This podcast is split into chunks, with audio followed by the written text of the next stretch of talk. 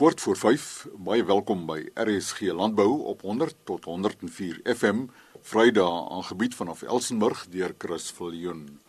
Vrugtevlieg navorsing in die Benede Oranje gebied.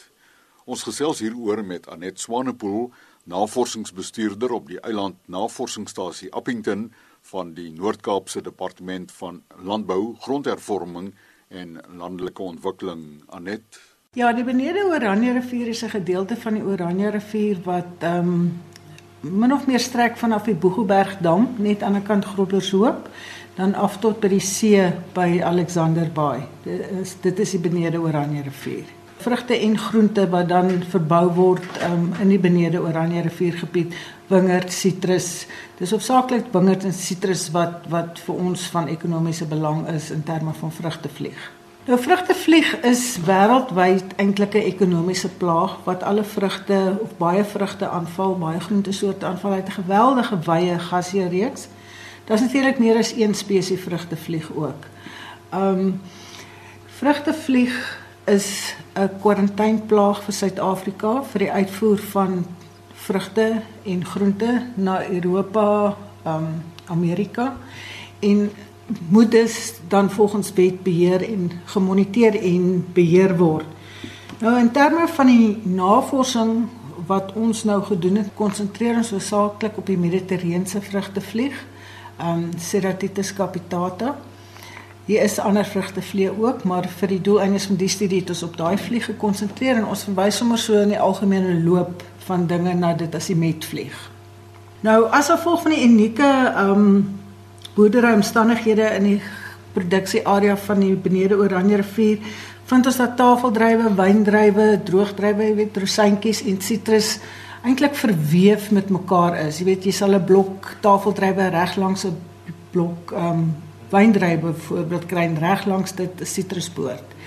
En omdat vrugtevlieg 'n kwarantaineplaag vir ons uitvoerbedryf is en beheer verpligtend is, maak dit vir ons baie moeilik want beheer is nie verpligtend op wyndrywe en droogdrywe byvoorbeeld nie. So as 'n mens kyk na area wye beheerstrategie om ons uitvoerbedrywe te beskerm, is dit problematies. As jy byvoorbeeld kyk na die uitvoerbedryf van tafeldrywe en sitrus net in die Noord-Kaap, praat ons van 'n omgewing van 1.6 miljard rand per jaar. So dit is vir ons van uiterste belang dat die bedrywe beskerm word.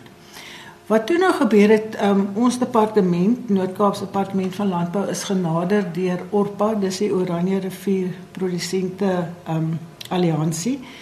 Het ons departement genader gevra of ons kan help met vrugtevlieg navorsing om te kyk regtig wat is die omvang in die Benede Oranje Rivier gebied.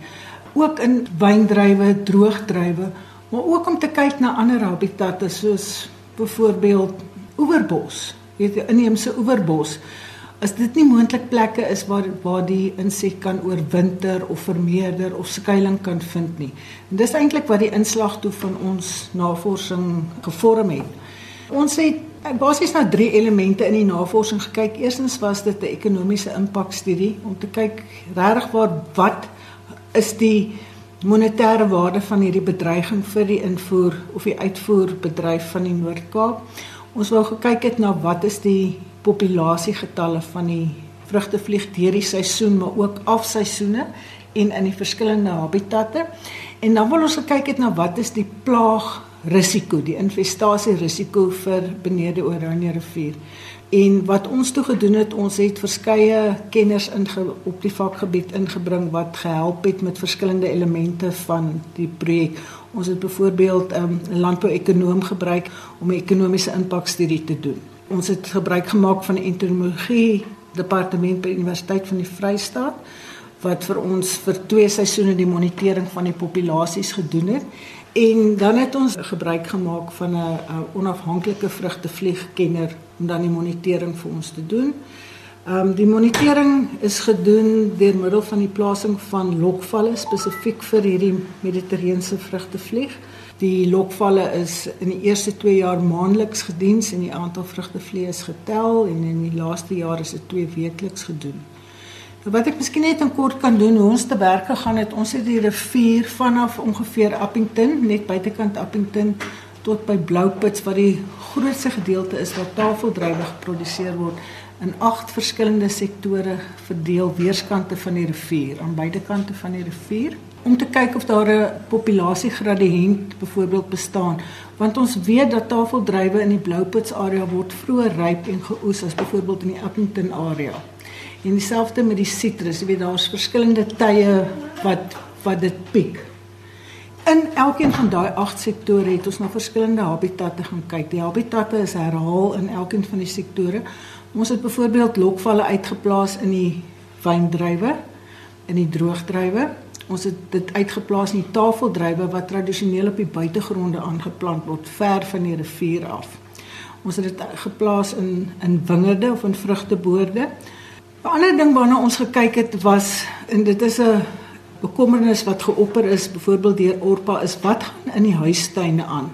Daar waar jy 'n klein groentetuintjie het of vrugtebome het, dien dit nie as bron van infestasie. So ons het in elke sektor na huistuine gekyk.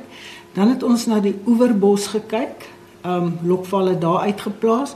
Ons het dit ook in die in die sloepe uitgeplaas wat bietjie meer na die buitegronde toe is. Ons het gekyk wat gaan aan by pakhuise byvoorbeeld by die kelder waar mense dikwels mos nou maar baie vrugte het wat inkom en ons het ook gekyk na wat gaan aan by die rosientjiebane. So ons het 8 sektore teen die rivier gehad met 8 verskillende habitatte teen die rivier. En dit is dan nou vir basies vir 3 jaar gemonitor.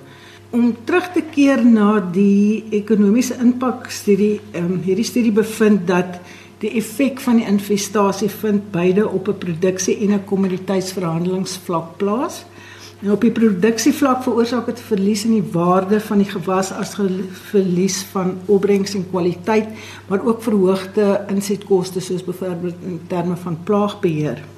En op die kommoditeitsverhandelingsvlak reflekteer die impak as die koste van die verlies aan byvoorbeeld marktoegang. Want hierdie buitelandse markte is baie streng. Weet as daar een insident is van byvoorbeeld vrugtevlieg wat in 'n korreltjie gevind word, dis baie vinnig dan word daai mark vir ons toegemaak. Die regulasies is regtig baie streng. Die studie het ook verder gevind dat dit hoofsaaklik tafeldrywe en die sitrusbedrywe is wat geraak sal word indien sulke markte vir ons toegemaak word. As gevolg van die ekonomiese vermenigvuldigingsfaktor van 'n uh, besproeiingslandbou, die koste daar rondom die koste van water, die koste van elektrisiteit is 'n onbeheerde vrugtevlieginfestasie in ons gebied eintlik vernietigend vir die aarde. Nou die studie het ook gevind dat die totale geskatte waarde van tafeldrywe en sitrusproduksie in die area is net so oor die 1.6 miljard rand en dan eh, die potensiële verlies in marktoegang is 'n verdere 2.3 miljoen rand per jaar. Min of meer wat ons verwag het, het ons gesien dat daar bestaande gradiënt in die populasiegetalle waar die populasie toeneem van Bloupits tot en met Appington. Nou daar kan verskeie redes daarvoor wees. Persoonlik dink ek die hoofrede is omdat die tafeldrywe baie meer gekonsentreerd is rondom Bloupits en Kakamas en as gevolg van die verpligte plaagbeheermaatreëls wat dan baie strenger daartoe gepas word oor die populasie in toom gehou maar soos wat jy nou opbeweeg na die Appington area toe word die aantal hektare waarop tafeldrywe verbou word minder en die wyndroogdrywe hektare word meer met minder verpligte beheer en daarom neem die populasie toe. Ons het byvoorbeeld gevind dat oor die 3 jaar periode die areas rondom Appington is is is groot risiko areas vir herinfestasie van vrugtevlieg. In terme van die verskillende habitatte het ons nie eintlik die resultate gekry wat ons verwag het nie. Maar daar was nie vir ons duidelike patrone gewees nie.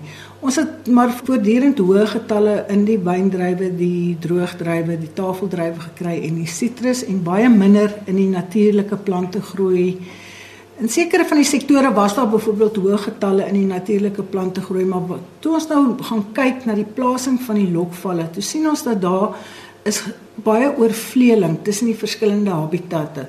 Hoewel jy hom spesifiek byvoorbeeld in Oeverbos sit, is 'n blok wyndrywe binne 10 meter van daai lokval en die lokvalle werk by grond van 'n feromoon aantrekking. So as daar 'n vrugtevlieg 10 meter in die wingerd is, gaan hy kort pad vat na dit wat in die ehm um, oewerbos byvoorbeeld is, na die lokval wat daar is. So ons het 'n tipe van jy kan amper sê kruisaantrekking gekry vir kruiskontaminasie. So dit was baie moeilik om in terme van dit eintlik, jy weet, onderskeid te kan tref. Toe ons nou mooi oor die ding gaan besin en kyk, toe besef ons maar as gevolg van die produksie omstandighede teen die Oranje rivier en die baie nou band waarin produksie plaasvind, is dit feitelik onmoontlik om habitat te monitor sonder dat daar enige effek van 'n ander um, habitat gaan wees omdat alles so in 'n baie nou band geskied. Die resultate wys vir ons baie duidelik dat dit baie nodig gaan wees om te besin oor 'n area wye beheerstrategie. En dit sal behels dat ons produsente, ons wyn en droogdrywe produsente uh, moet inkoop op so 'n strategie vir die beskerming van die breër uh, landboubedryf teen die rivier. Daai is regulatoriese um, aksies wat geneem moet word wat nie binne die mandaat van ons um, provinsiale departement lê nie, maar wel by die nasionale departement van landbou. En ons is in gesprek met hulle rondom dit en same dan georganiseerde landbou om te kyk waarheen dit gedryf kan word.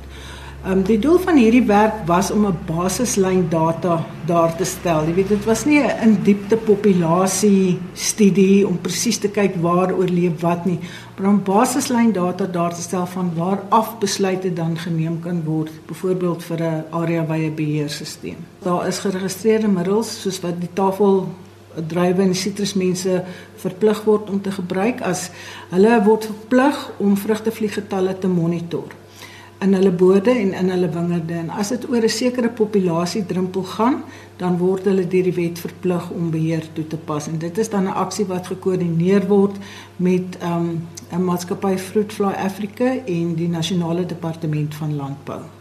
En en die doel is dat dat 'n mens graag wil hê dat die ander gewasse dan inkoop op so 'n uh, beheer en laat dit 'n area wye inisiatief raak. Baie dankie Anet Swanepoel, navorsingsbestuurder hier op die Appington Eiland Navorsingsstasie van die Noord-Kaapse Departement Landbou, Grondhervorming en Landelike Ontwikkeling. Anet se telefoonnommer op kantoor 087 630 0303. 087 630 0303. RSG Landbou môreoggend om kwart voor 12 gesels ons oor 'n volhoubare hulpbron projek met die doel volhoubare hulpbronbestuur 'n projek van die Verenigde Nasies se ontwikkelingsprogram. Chris Viljoen wat groet geniet die dag